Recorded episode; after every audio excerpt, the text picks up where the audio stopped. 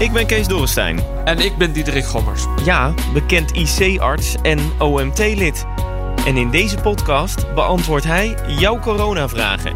Stuur je vragen naar me op via WhatsApp 06 8370 9229, via de mail gommers.bnr.nl of via Instagram BNR Nieuwsradio.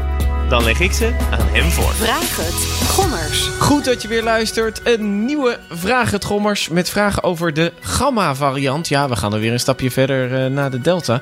En um, wat weten we nu over groepsimmuniteit? En kan dat nog? Dat was zo'n idee.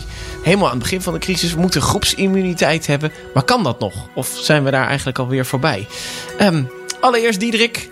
Je ziet er uitgeslapen uit voor iemand die net een nachtdienst heeft gehad. Ja, maar ik had een rustige nachtdienst en een hele goede assistent. Dus ik ben maar één of twee keer gebeld vannacht. Oh, dus, dus maar ik heb wel in het ziekenhuis geslapen, dus niet in mijn eigen bed. Oh, dus toch altijd minder. ja. ja. Geen goede matrassen hier? Nou, hmm, kan beter. Ja? Ik had nog wel een extra kussen meegenomen. Het begint natuurlijk al een oude man te worden. Ja, dat is, het, dat is wel zo, ja. Allemaal nekklachten eraan overgehouden. Maar goed, ik heb uiteindelijk best goed geslapen. Je zegt altijd, je moet bewegen. Ga bewegen, dan heb je geen ne eh, nekklachten. Ja. Nee, dat is ook zo. Dus, uh... Ja, ik heb pakken wat vragen bij. Uh, Mirka, die zegt... De laatste weken kom ik op social media steeds meer filmpjes tegen... van vrouwen of meisjes die beweren tremoren te hebben gekregen... na een Pfizer-vaccin. Dit lijkt erg op Parkinson, als ik het zo zie. het ziet er heftig uit, maar ja... Zit er een kern van waarheid in? Of kunnen we dit afdoen als fake news? Ja, uh, altijd lastig, hè? want er zijn best wel uh, mensen die bepaalde uh, bijwerkingen hebben. En dan is het heel lastig te zeggen van, ja, is dat toeval? Omdat, nou ja, dat je dat gewoon ontwikkelde door iets anders wat je aan het doen was. Uh, of komt dat toch door die vaccin? Nou, daarom is het ook zo belangrijk om dat te melden bij de LAREP. Omdat die ook dingen die apart zijn, zoals ze hier beschrijft, als dat dan vaker voorkomt bij veel meer mensen, omdat die dat allemaal melden, dan gaan ze dat toch als complicatie zien, zonder dat we precies gelijk weten of het een directe relatie heeft. Nou, in dit geval gaat het over. Hè, eh, Parkinson wordt gekon. Um, eigenlijk heb je dan in je hersenen een probleem met je dopamine. Dat is een van je neurotransmitters. Die, de zenuwen, hoe die met elkaar communiceren. Um, en uiteindelijk die mensen die hebben eigenlijk ongecontroleerde spierbewegingen. Dus eigenlijk heb je geen goede controle meer. En die mensen gaan trillen. Mm -hmm. Dus eigenlijk. Hè, ze gaan langzamer lopen, kunnen hun armen minder goed bewegen. Maar ook gaan ze trager denken en dat soort dingen.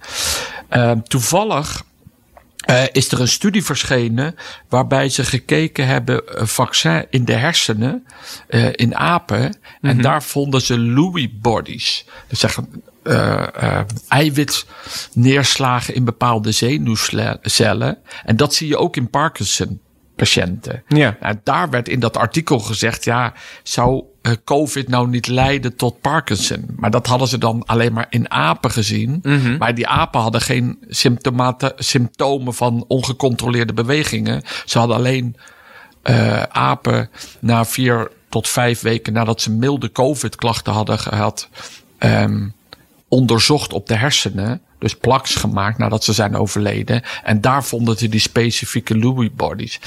Ja, ik, ik weet niet op dit moment dat er echt Parkinson is na vaccins. Dus ik vind het belangrijk dat die mensen alsjeblieft het moeten melden. Uh, maar er zijn op dit moment echt geen aanwijzingen uh, dat, dat dat gebeurt. Uh, dus we moeten even even afwachten. Hè. Dus dat onderzoek in die apen was echt het COVID-virus. En dit wordt nu gezegd dat het dit was na vaccin. Dus ook nog anders. Ja, precies, inderdaad. Uh, als ik dan, ik zit even op de site van het LAREP te kijken. Daar zie ik nu inderdaad spiertrekkingen, 13 keer gemeld spierspasme 139 keer gemeld. Maar ik weet niet precies of dat... Of je, ja, maar spierspasme is weer niet Parkinson-achtige klachten. Dat zijn nee. van die ongecontroleerde ja, bewegingen. Trillingen meer, zijn trillingen. Ja, zou dat dan onder spieren vallen of onder... Ja, nee, het valt absoluut onder spieren. Ja, het zijn nou, ongecontroleerde... Uh, bewegingen van de armen. Ja, nou ja, ik zie geen uh, tremoren of trillingen bij het LAREP uh, gemeld staan. Ik heb ook wel die video's gezien dat mensen dan echt helemaal alsof ze bijna een soort van epileptische aanval uh, krijgen op de bank zitten. ik, ik, ik heb daar nog weinig over gehoord in ieder geval. Dus ik, ik vond het ook wel opvallend dat, dat mensen zeggen... ja, dit krijg je er direct Ja, van. maar dan moeten we ook zeggen, hè, als het dan nog niet bij de LAREP gemeld is, ja, dan, dan is het tot het moment niet zo, snap je? Want mensen melden laagdrempelig en dat is ook belangrijk. Dus dan zou ik tegen deze zeggen, ja, volgens mij Ja, is het dan toch een broodje aap. Er zit een luchtje aan in ieder Ja. geval. eh, als ik zo zelf die video's heb gezien. Ehm, anders zou je het wel verwachten. Ton dan. eh, hij zegt, ik eh, heb sinds mijn coronabesmetting, oktober 2020, maar weinig geur en smaak. Is er al bekend wanneer dat zich herstelt? Dat is al lang geleden dus, hè? Ja. Dat is dus nu al, Meer dan een half jaar. ja, Ja. Indrukwekkend. Nou, het is afschuwelijk, snap je? Want je geur en smaak, dat, dat zeg je even. Ehm, maar dan, dan, ja, dan heb je ook vaak geen eetlust meer. En dan heeft het hè, een lekker een bak koffie met een lekkere geur. Eh, dat al dat, ja, de, de geneugten van het leven eh, ver- ver- vervallen dan eigenlijk. Ja. En je ziet dus ook dat mensen dan heel moeilijk eh, genoeg eten. Vooral bij ouderen zie je dat dan ook gebeuren. En die vallen echt ook af. Ehm ze zeggen dat het in de loop van de tijd terugkomt. ehm, maar het is eigenlijk heel lastig om te zeggen waardoor het nou komt. Zijn de zenuwuiteinden in je neus aangedaan, al of niet door het virus? Of zit het echt in je hersenen? Er zijn verschillende artikelen, maar het is eigenlijk nog geen duidelijkheid. Er zijn wel artikelen verschenen die helaas bij patiënten die zijn overleden na COVID, dat ze toch wel virus resten vonden, deeltjes vonden in die hersencellen, in de gebied waar je reukorgaan zit. Um, maar er is bijvoorbeeld ook beschreven dat sommige mensen hebben baat bij de vaccinatie. Um, in 25% van de gevallen werden dit soort klachten werden soms minder. Maar het is maar in 25%. Ja, hè. dus het kan soms ook gewoon lang wachten totdat het Ja, maar het idee is dat je misschien door het vaccin te nemen maak je extra antistoffen. Als gevallen tegen die spike-eiwitten. En soms zou dat mogelijk kunnen helpen. Dat dan eventueel restvirus, wat al of niet dan uh, beïnvloedt waarom je nog reukklachten hebt, dat, dat die dan ook worden afgevallen. Maar dat zijn theorieën, maar die zijn nog niet zo goed uitgezocht dat het ook echt dat het mechanisme is. Dus eigenlijk heel eerlijk weten we het niet zo goed. Uh, nee. Maar ja, ik zou zeggen, uh, als je nog niet gevaccineerd bent, doe het wel. Want wie weet helpt het helpt bij jou. Het. Ja, nou ja, en Ton, uh, heel veel succes. Ik hoop dat het langzamerhand toch weer ergens gaat, gaat terugkeren. En anders, ja, contact misschien even een specialist. Ja, de KNO-arts. Wat, wat, te doen, inderdaad, de KNO-arts. Een vraag van Joe dan. Die zegt, de Amerikaanse Center for Disease Control meldde in een rapport over de veel besmettelijkere gamma-variant. Wat weten we daar nu over en moeten we ons zorgen maken? Ja, de gamma-variant. En we hebben nu al die Griekse letters voor die verschillende... Alpha, beta, ja, gamma, omdat delta, we niet meer ja. mochten zeggen uit welk land ze komen. Maar deze komt dan uit Brazilië. Dus het stond ook bekend als de Braziliaanse variant. Um, die hebben wij ook in Nederland. Uh, de, al bij... Um, uh, 300 zoveel patiënten. 367 patiënten hebben de, de Braziliaanse variant al in Nederland. Maar nu dat die Delta zo opgekomen is, heeft hij eigenlijk de Braziliaanse variant helemaal weggedrukt. Dus we zien hem in Nederland is hij helemaal uitgedoofd. Oh, ja, dus, want het is alpha, beta, gamma, delta. Dus ja, delta is weer de volgende stap. Ja, dus eigenlijk zat hij voor uh, de Delta. Maar hij is in Nederland niet echt opgekomen. Dus we, we zagen hem wel in april, mei. En toen dachten we, oeh, die gaat misschien een rol spelen. Waren vooral mensen die al of niet naar Brazilië waren geweest. Of contact hadden met mensen die naar Brazilië waren geweest. Dus hij was wel echt geïntroduceerd vanuit Zuid-Amerika. Het was niet alleen in Brazilië, maar en ook in andere landen van Zuid-Amerika. Maar hij is nu eigenlijk helemaal ja, verdwenen door die Delta-variant. En in het artikel wat um, de, le of de, de vraaggestelster erbij deed, die zegt van ja, er zijn in bepaalde goudmijnen in um, Frans Guinea. Daar is hij eigenlijk beschreven. En daar kwam hij voor dat mijnwerkers, uh, 44 mijnwerkers, daar 24 liepen heel uh, uh, makkelijk dat virus eigenlijk op. Maar dat zien we nu eigenlijk ook met die Delta variant gebeuren. Dus hij is besmettelijker dan de Alpha variant, de Britse variant. Maar hij de Delta variant is eigenlijk weer succesvoller. En die heeft dus eigenlijk die gamma variant uh, helemaal weggedrukt. Um, dus ja. Ik denk, We hebben er niet zo last van. nee, ik denk eigenlijk dat we hem een beetje kwijt zijn. En moeten we ons dan zorgen maken, want volgens mij is Lambda dan weer de volgende stap na Delta. Die wordt ook al genoemd. Moeten we ons daar dan zorgen maken? Of? Ja, maar we zien nu in Nederland dat eigenlijk de, de variant is de eh, Delta. En die is bijna voor 100%. Ik geloof voor 97% van de besmettingen. Ja, die drukt alles weg. komt. En die drukt die Ja. andere totaal weg. Wat we dus op het moment dat die Delta dadelijk weer afneemt. Ja, Wat er we- dan gaat komen? Gaan we zien welke letter we dan zijn. Ja, inderdaad. Ehm, Nicole dan. Eh, waren er vorig jaar ook al varianten of mutaties? Of hadden we er toen slechts één? Gewoon een soort van standaard eh, coronavirus eh, variant. Ja, we hebben eigenlijk heel lang ja, de Wuhan-variant gehad, hè, dus de Chinese. Eh, en er gebeurde weinig eigenlijk. Terwijl je eigenlijk weet van virussen dat als ze zich vermenigvuldigen, nou dat doen ze dus op het moment dat jij geïnfecteerd bent in je neus. Hè, dus ze vermenigvuldigen zich in, in je lichaam van eh, beesten of van mensen. En dan heb je risico op mutaties. Hè. Iedere keer dat ze zich vermenigvuldigen, dan gaat het net niet helemaal goed in die samenstelling. En dan krijg je kleine veranderingen in die bouwstenen, in die 40.000 bouwstenen van, de, van dat virus. Eh, vorig jaar zaten we daar eigenlijk op te wachten, gebeurde het weinig. En ik ben het wel met eens dat je dat nu steeds meer ziet komen. Of die dan net zo erg is als de griep. Griep heeft veel snellere vari- eh, mutaties. Ja. Dus ja, hij is, hij is niet te vergelijken met muteert, hoe vaak per jaar?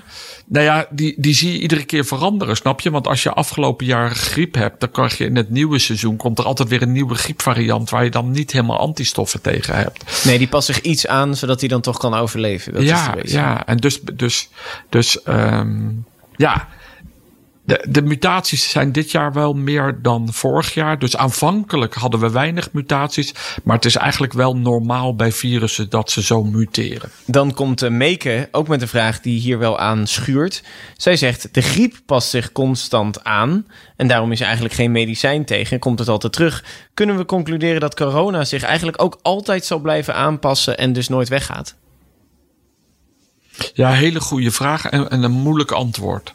Uh, ik dacht, of ik hoopte misschien wel dat die eigenlijk zou verdwijnen, de corona. Maar tot nu toe, dat die Delta-variant eind juni zo zou huishouden, hadden we eigenlijk met elkaar niet verwacht. Dus ja, ik ben het is een beetje gokken. Ja, het is een beetje gokken. Maar ik denk dat we er langzaam vanuit kunnen gaan dat hij toch eigenlijk bij ons blijft. Dat dat toch wel het uitgangspunt is nu.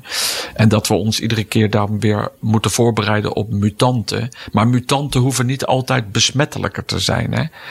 Uh, de mutaties kunnen ook minder goed zijn. En dan verdwijnen ze ook weer snel. Kan het zo zijn dat er één variant komt die eigenlijk zo slecht gemuteerd is dat die per ongeluk weggaat? Nou, die gaat dan sneller weg, maar dan komt er dan, ja, die verspreidt zich dan ook niet. Snap je? Als nee. de mutant niet succesvol is, gaat hij zich ook niet makkelijk verspreiden. En we zijn in steeds grotere aantallen gevaccineerd. Dus hebben we ook antistoffen. Dus elke mutatie moet ook steeds slimmer worden om onze antistoffen uh, te passeren eigenlijk, hè, voor, voor, de gek te houden. Ja, dat, uh, en dat is dan weer een goede vraag uh, van Simon. Die zegt bloedbank Sanquin.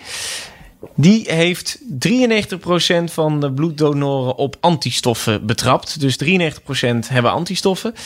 Aan het begin van de crisis hadden we het over groepsimmuniteit. Gaan we die ooit nog krijgen of is dat niet meer mogelijk?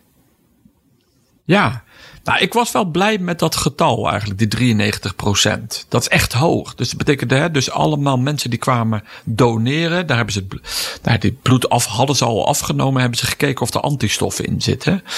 Um, en dat betekent dat die mensen dan wel door een vaccin, ofwel omdat ze COVID gehad hebben. Dus je kunt op twee manieren antistoffen hebben. Nou, en dat betekent dat een goed teken. En we zijn nog steeds op zoek naar zo'n hoog mogelijke immuniteit. Um, we gaan er nu vanuit in de voorspellingen dat 1 september dat dat voor heel Nederland, inclusief alle kinderen, op 71% uitkomt. Mm-hmm. Um, en, en dat getal moet liefst zo hoog mogelijk. Dus of je loopt het virus op en daardoor krijg je antistoffen, of je krijgt antistoffen omdat je je laat vaccineren. En uiteindelijk, als we zoveel mogelijk antistoffen hebben en immuniteit, kan het virus niet meer overleven. Uh, dus je, je wil heel graag um, dat het richting de 90% is. En waarom is het dan bij de bloedbank is het al zo hoog. Is het dan niet de rest van Nederland? Ja, daar zit natuurlijk wel een verschil van donoren. Hè. Dat zijn een, nou ja, bepaalde, bepaalde type regio's mensen. die, ja, die helemaal geen donor willen zijn. ja, bepaalde mensen willen dat niet zijn. Het zijn allemaal volwassen mensen. Hè, dus kinderen kunnen nog niet doneren. Dus dat is wel even afhankelijk. Maar wat natuurlijk belangrijk is. Waar we nu van uitgaan is dus als je 71% groepsimmuniteit hebt, dan heb je dus een kleine 30% niet. Dat betekent wel dat je nog 4, 5, 4 à 5 miljoen mensen hebt die dan dus nog geen immuniteit hebben. En dat is nog een erg grote groep. Als dat heel veel kinderen zijn, hoeven we ons niet zo zorgen te maken. Maar er zitten natuurlijk ook ouderen bij. Ehm, en dan lopen we nog steeds risico. Maar er komt straks een moment dat we uitzeggen van oké, dit is wat we maximaal aan immuniteit kunnen hebben. En dan gaan we het loslaten. En dan gaan we zien wat er gaat gebeuren. Ja, En, dat, maar, en, die, en maar kan, dat je, komt kan je dan steeds spreken dichterbij. over groepsimmuniteit? Want dat Ja. is dan vaak een beetje dat je het echt weet in te dammen met een Nou totale ja, je- je hoopt op een gegeven moment dat zoveel mensen antistoffen hebben. Dat dat, dat virus eigenlijk te weinig mensen tegenkomt om te overleven. Nou, en dan spreek je van groepsimmuniteit. Ja. En dan eigenlijk ja, moet je dan richting de 80, 90 procent zitten. Precies, als we dat hebben, dat hebben we een beetje met het mazelenvaccin dan. eh, Ja. dat, dat zie je daar vaak. Ja, Die, die, die je als kind krijgt, als die vaccins. Die ja. creëren groepsimmuniteit. Dus dan moeten we dus nog wat hoger zitten. 80, 90 procent. En dan moeten we ook alsnog een beetje afwachten, begrijp ik. Ja, nee, maar ik bedoel, ja, nou, omdat we nu, we weten niet zo goed. Hè, bij de bloedbank hebben ze het heel netjes gecontroleerd. Alleen de vraag is, zijn die mensen representatief voor Nederland? Ja. We denken op dit moment van niet. Nu wordt er geschat door de RIVM dat het maar 70% is. Dadelijk ergens 1 september. Maar we hopen dat dat Nog dat ze daarnaast zitten en dat het toch misschien wel naar 80%. Omdat nu met die Delta-variant zie je ook dat heel veel mensen makkelijk COVID krijgen. Gelukkig mild. Maar ja, dan heb je wel milde COVID dus dan gehad. gaat het niet weg. En dus antistoffen. Dus het. Ja, aan elk nadeel zit een voordeel. Hè, als we Johan Cruijff, geloof ik, zei. ik weet niet precies wat hij dat zei. Maar, maar doordat we veel besmettingen hadden in begin juli... hebben ook veel mensen antistoffen opgebouwd. Dus dat is absoluut een goed teken. Ja, ja, dan is het wel de, eh, ja, precies begin juli. Dus dan hebben ze Delta-variant antistoffen. Boris, Ilse en Elsbeth, die zeggen... de EU en Nederland erkennen de serologische test niet als bewijs... dat je antistoffen hebt. Alleen een PCR-test of vaccin is akkoord. Nou, in landen als Israël, Oostenrijk en nog wat andere landen... eh, erkennen ze het wel. En de FDA hebben die tests. En Sankin, die gebruikt ze dan weer ook... Ehm, die hebben ze dus wel goedgekeurd. Is het terecht dat Nederland en de EU deze test dan nog niet goedkeuren als een soort van bewijs? Ik weet eigenlijk niet waarom ze dat niet doen. Omdat ze tot nu toe gaan ze heel erg uit van die PCR-test. Dan kan je heel gevoelig, hè, dat is de Rolls Royce onder de testen, eh, dat je heel gevoelig het die virusdeeltje kan aantonen. Ehm, ja, die, die, die, die serologische test, ja, Wat is dat voor een test? Ja, volgens mij is dat gewoon de sneltesten, toch? De antigeentesten, denk ik dat ze bedoelen. En die, die zitten op de. Hè, je hebt verschillende eiwitten. Ze zitten vooral op die N-eiwit, wat je met die eh, testen aantoont. En je hebt natuurlijk door die mutaties ver- veranderd die eiwitten, maar de mutaties zitten vooral in het S-eiwit. Ehm, dus ja. Die antigeentesten, die N-eiwittesten, die serologische testen, die zijn volgens mij echt wel goed. Alleen die zijn minder goed dan de PCR-test. We gaan ervan uit dat die zo een, een sensitiviteit hebben van 70, 80 procent. En dat de PCR-test heel dicht tegen de 100 aan De, serologische test is een antistoffentest. Dus die Ja. test eigenlijk alleen maar je antistoffen, zie ik Ja. op de RIVM-site. Ja. Dus zij zeggen eigenlijk, waarom gebruiken we nog geen antistoffentest en wel een PCR-test? Ja. Het is lastig eh, te zeggen, denk ik. Nou ja, kijk, als je, ant- want dat is wat die testen doen. Als je antistoffen aantoont, dan is de conclusie, dan heb je ook ehm, eh, COVID gehad. Ehm, en dat is wat die, eh, sommige van die antigeentesten doen. En uiteindelijk is daar z- zit het verschil in. Alleen bij de PCR-test test je echt het onderdeel van het virus aan. En dus bij deze test je of je antistoffen hebt. Dus een onderdeel van de, anti, van de antistoffentest. Ja. Nou, we hebben het wel eens eerder over gehad dat we eigenlijk ook nog niet zo heel veel algemene antistoffentesten hebben in Nederland. Hè? Nee, want eigenlijk zou je, als je dit nu zo hoorde over die Delta-variant. Hoop ik eigenlijk dat, dat er straks een momentum komt. Dat je ook je antistoffen makkelijk kan laten bepalen. Want wat je wil, is dat je, nou ja, je weet, dat hebben we nu ook net besproken. Dat je antistoffen die gaan dalen, die neutraliserende antistoffen. Je hebt ook nog je cellulaire afweer. Hè? Dat is altijd je geheugen in je afweer. Dus je hoeft je niet gelijk zorgen te maken. Maar als je nou zegt, ja, maar mijn antistoffen zijn belangrijk voor die Delta variant. Dan zou je het eigenlijk ook willen, makkelijk willen laten bepalen. Maar dan zou je ook graag willen weten hoeveel antistoffen heb ik dan? Ja, exact. En dat is eigenlijk wat je dan moet weten. Je moet een gradatie hebben. Ja, Daar, daar, maar daar is nog weinig onderzoek. Ik bedoel, er wordt waarschijnlijk achter de schermen aan gewerkt. Maar ik heb nog niet gehoord dat we dat goed kunnen gaan invoeren. En deze test, testen die alleen of je antistoffen hebt? Of dat, um, dat hadden we met die sneltest die jij laatst had gedaan. Die testen dan of je antistoffen had, maar je zag niet hoeveel. Nee, dus het is een aan-uit-effect. Ja, dus, dus, dus, hebben, dus in die test zit er natuurlijk een bepaalde waarde dat je daarboven dan test die positief. Maar wat je graag zou willen weten is eigenlijk hoeveel antistoffen heb je. Want de kans dat je antistoffen hebt, ja, die wordt steeds groter. Omdat we steeds meer risico hebben dat je virus hebt opgelopen. Ofwel dat je gevaccineerd bent. Maar als je dan gevaccineerd bent, ja, gaat de hoeveelheid antistoffen gaat in zes maanden. Gaat of na een jaar gaat die omlaag. En, en uit die test blijkt dan, ja, je hebt het nog steeds, maar niet hoeveel. Nee. Ja. Misschien heeft het daarmee te maken, uh, dat weten we niet. Het is een beleidsdingetje, uh, is dat. Um, Martin, die zegt... Mijn dochter is 12 en nog niet gevaccineerd. Een van de belangrijkste redenen om jongeren te vaccineren is om de vaccinatiegraad zo hoog mogelijk te krijgen om zo de verspreiding te remmen. Gaat dit nu nog wel op nu de Delta-variant via gevaccineerden toch verspreid wordt? Ja, dat is wel een goede vraag. Ja, want hij zegt dus eigenlijk anders. Ja, hoef ik mijn dochter nou ja, kijk, wat we hoopten met vaccineren is dat je eigenlijk 0% transmissie zou hebben. En in het begin hadden we dat een beetje het idee met die alpha variant. Hè? Dat die eigenlijk waren er best wel goede aanwijzingen. Dat als je eenmaal gevaccineerd bent, dat je de ziekte niet kreeg. Ook niet in lichte mate en daardoor eigenlijk het virus niet doorgaf. Nu met die delta variant waar we het net over hadden. Die delta variant is zo effectief. Op het moment dat je hem binnenkrijgt, kan die zich zo snel vermenigvuldigen. Dat je toch wel een paar dagen het virus bij je hebt. En eigenlijk is hij te snel misschien wel voor je afweer. Nou, gelukkig is dat bij de meeste mensen niet het geval. Dus bij de meeste mensen is hun afweer zo snel dat hij zich niet kan vermenigvuldigen. Maar bij een aantal mensen is die afweer minder snel en kan, kan, kan het virus zich toch een aantal dagen uh, zich vermenigvuldigen. En op dat moment kan jij het verspreiden. Nou, dus het is geen 100% bescherming, maar het is ook geen nul. En waar we precies ergens uitkomen, dat weten we eigenlijk nog niet goed genoeg. Nee, en we zitten ergens nu tussen zo 85, 80. En het idee is, nou, het zal wel ergens uitkomen tussen de 70 en de 80. Dan kun je het negatief doen, hè, maar je kunt ook positief zien. Is je glas half vol of glas half leeg? Ja. Hij beschermt voor 70 tot 80 procent mogelijk. Om het niet te krijgen, ja.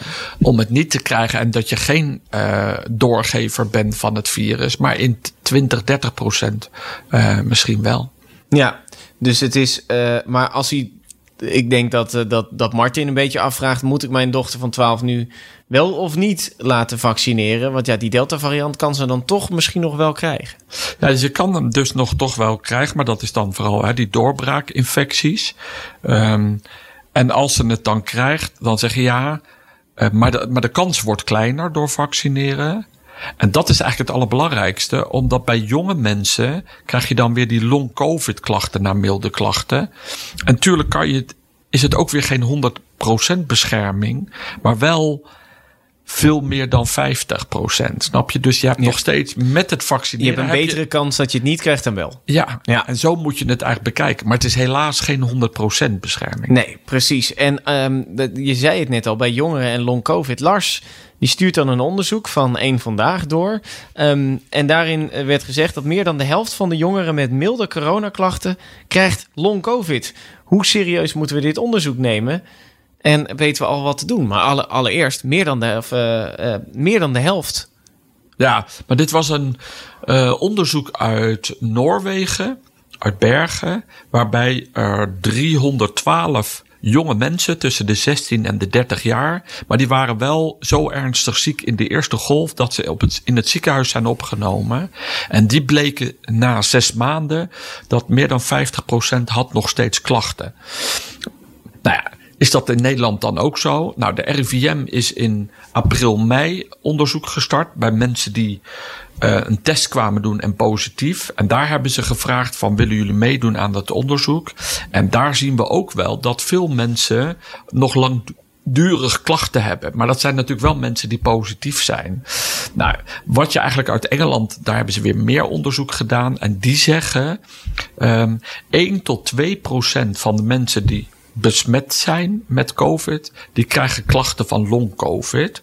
En dat betekent dat je na drie maanden of zes maanden nog steeds klachten hebben. En we hebben in Nederland ook al een paar keer gehoord dat jonge mensen na twaalf maanden nog steeds nou, klachten hebben. Mm -hmm. En dat is wel heel lastig. En dan zijn klachten is vooral vermoeidheid. Uh, spierpijn, koorts en allerlei andere dingen. Maar het belangrijkste is eigenlijk dat je na lange tijd toch weer niet gewoon je gewone werk op kan pakken. Dat kan, nou ja, gewoon je werk zijn. Maar dat kan ook zijn dat je je niet kan concentreren om te leren. Dat je echt geen zin heeft om naar school te gaan, omdat je het gewoon niet onthoudt. Mm -hmm. Dus het, dat, dat is best ernstig. Um, en, en, maar dat zien we ook wel vaker na virusinfecties. Um, ja, dat is en, en zie je het dan meer bij jonge mensen? Nee. Nou, je ziet het meer bij vrouwen. Maar je ziet het eigenlijk neemt het toe in percentage met bij leeftijd, met de leeftijd. Maar het komt dus ook voor bij jonge mensen. Oh, dus als je ouder wordt, heb je ook uh, een hogere kans op long COVID? Ja, dat bleek vooral, bleek vooral uit de Engels onderzoek. Maar, maar ze zeggen ja, omdat het zo opvallend is dat jonge mensen niet ernstig ziek worden, maar wel dit soort long-covid-klachten krijgen. En dus ja, is het risico, jongens, doe mij die infectie maar. Ja, er zit een bepaald risico in. Je kan de pech hebben dat je dit soort algemene klachten krijgt ja. van vermoeidheid. En vermoeidheidsklachten is wel heel moeilijk, hè? want dan krijg je weer hetzelfde. Is, is er een relatie met vaccin of COVID? In dit geval dan met COVID. Omdat vermoeidheidsklachten, dat hebben we allemaal wel eens. Hè. Daar kan ook weer een andere oorzaak voor zijn. Maar er is echt wel nu wel een relatie dat mensen die COVID hebben doorgemaakt, dat die er toch echt wel last van kunnen hebben. Maar we, we kunnen geen goede oorzaak ervoor vinden. En daardoor eigenlijk ook geen goede behandeling. Nee. Omdat we ja, niet begrijpen eigenlijk waarom, je het, waarom de een het wel heeft en de ander niet. Dus uh, we kunnen in ieder geval concluderen: het is niet zo dat meer dan de helft van de jongeren met milde coronaklachten ook uh, long COVID krijgt. Nee. Want dit is uh, gedaan bij een onderzoek van jongeren die in het ziekenhuis terechtkwamen. Ja. Dus dan is het, zitten we op een andere situatie. En we kunnen dus op basis van onderzoeken 1 à 2 procent kans dat je het krijgt. Um, tot slot, Annegreet die zegt: kan het virus zich muteren in deels of volledig gevaccineerde personen? Zolang je afweer niet 100% werkt, kan het, uh, het virus zich vermenigvuldigen. En daar waren we een beetje bang voor dat in de ouderen dat dat vaccin minder goed werkte en dat ze wel afweer hadden, maar niet optimaal. En dat het dan een soort sluimerende infectie is van het virus. En dat je dan blijft vermenigvuldigen. Uh, en uiteindelijk dat je dan dus zolang het vermenigvuldigt, heb je risico op mutaties. Nou, gelukkig werkte dat vaccin eigenlijk heel goed in ouderen, zeker die mRNA-vaccins. Dus daar waren we een beetje minder bang voor.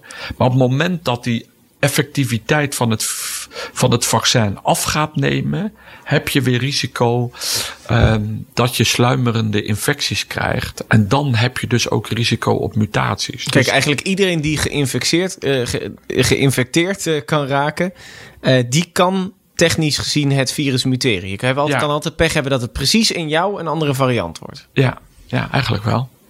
En dat gebeurt wat vaker op het moment dat er veel meer mensen besmet zijn. Ja, en dat, ja, dat gebeurt dus dat.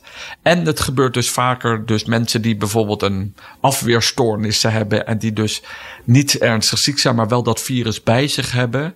En al die tijd dat dat virus wel langzaam, maar zich toch een beetje vermenigvuldigt. Ah, oké, maar dus het is wel zo dat op het moment um, dat je het sluimerend bij je hebt, hoe sneller het weg is, hoe minder snel het kan muteren. Ja, dus op het moment dat jouw afweer zo goed is om het op te ruimen, hè, dus die antistoffen, maar ook je T-cellen om die cellen helemaal te vernietigen, dan is dat virus weg. Kan het zich ook niet meer vermenigvuldigen.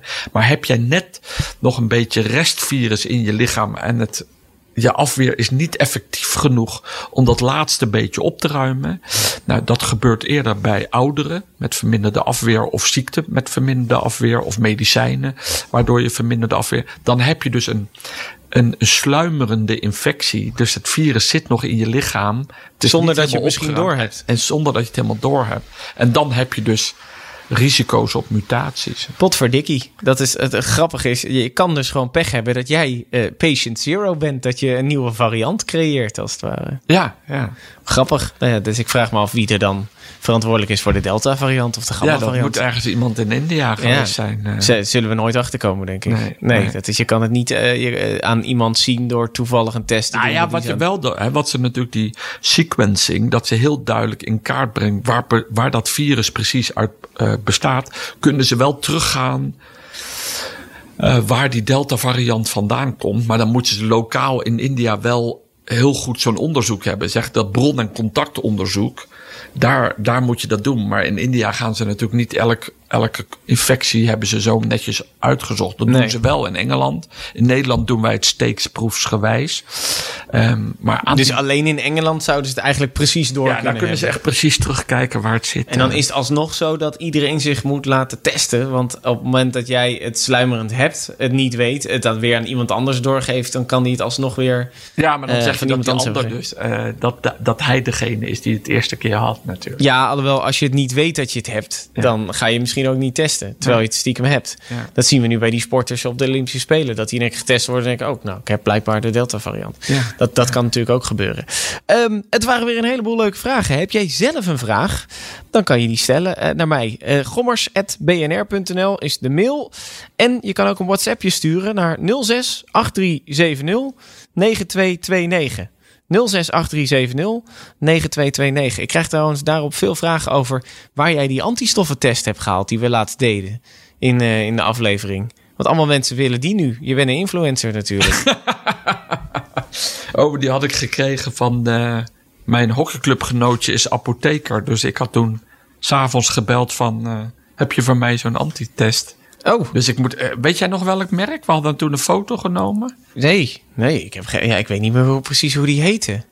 Jij had de foto's genomen allemaal. Oh, nou, dan ga heb je hem niet op je, op je Insta gezet? Nee. Nee, ja. Ik heb, wel, ik heb hem nog wel liggen, maar het gaat mij even over welk merk. Ik weet het niet meer welk merk. Nee, maar heb je hem nog liggen hier? Ja. Dan moet je even kijken. Dan... Nee, maar dat, volgens mij staat dat er niet op. Oh, dat staat er niet op. Oh, ja, dat is lastig dan. Ja, want de rest heb je weggegooid. Uh, nou, je, je hebt hem gezegd volgens mij in uh, uh, het merk in de aflevering. Dus dan moet iedereen die eventjes terugluisteren. Ja, voor nou, mij is dat het dan. Bij deze. En die is dus bij een lokale apotheek. Maar elke apotheek heeft dan weer misschien een ander merk. Dat is niet de standaard dat dat in elke apotheek hetzelfde is. Natuurlijk, dus dan moet je die vragen. Nou, Diederik, uh, je hebt daar compleet niet mee geholpen. maar je kan het dus luisteren. Dankjewel. Jo, tot volgende keer.